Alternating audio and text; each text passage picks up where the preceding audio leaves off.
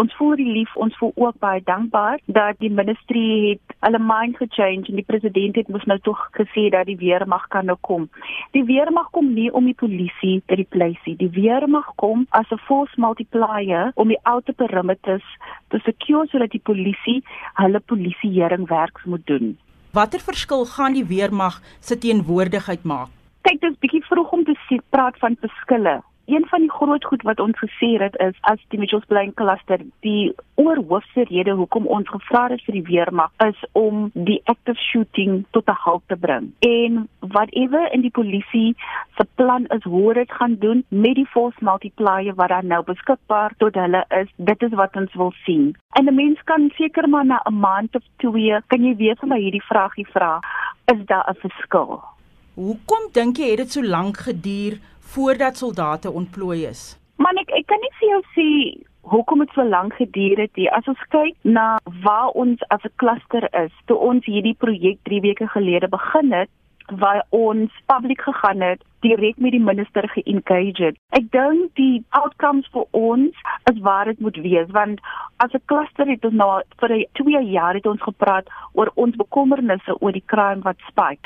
Dit was nou op hierdie stadium was dit uit hand uit. So ek dink waar ons is as 'n kluster en ons wil kyk na timeline en vra die hoekom sê dit het nou gebeur, die weermag is hier en as die gemeenskap ons is dankbaar.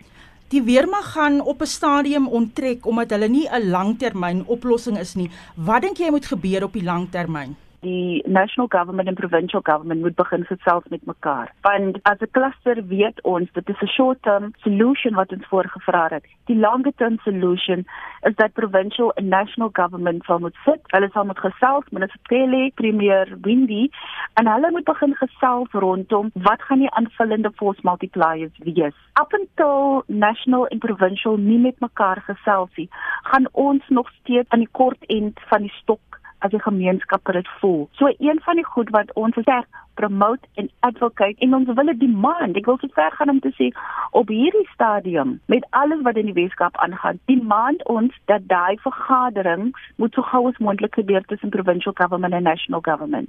Dit is alom bekend dat bendelede gemeenskappe se loyaliteit koop met geld, hulle finansiëel help. So die bendes is so deel van die gemeenskap. Hoe raak 'n mens van hulle ontslaa? Dit is 'n longer term solution. Dit moet keer 'n multidisciplinary approach, multi-stakeholder approach. Dit het job opportunities nodig, dit het 'n economic buy-in hier nodig. Dit is 'n long term solution waar 'n mens moet aanwerk. Maar ons kan nie eens uit die starting blocks uit gekom het om dat die geweld so uit die hand uit te sien. En wanneer dit kalm genoeg is, wanneer 'n mens moet dink na 'n interim plan en 'n long-term plan, moet die ander stakeholders, die ander departemente, die ander government spheres sal moet inkom en hulle sal moet ons hande as 'n gemeenskap kom vat om te kyk na daai codependency. Die codependency wat die gangsters, hulle gee vir jou geld, maar jy's codependent aan hulle. En die codependency moet 'n alternatief offer, skills development, entrepreneurial, werkskepping. So dis dis langtermyn goed wat die mense moet na kyk.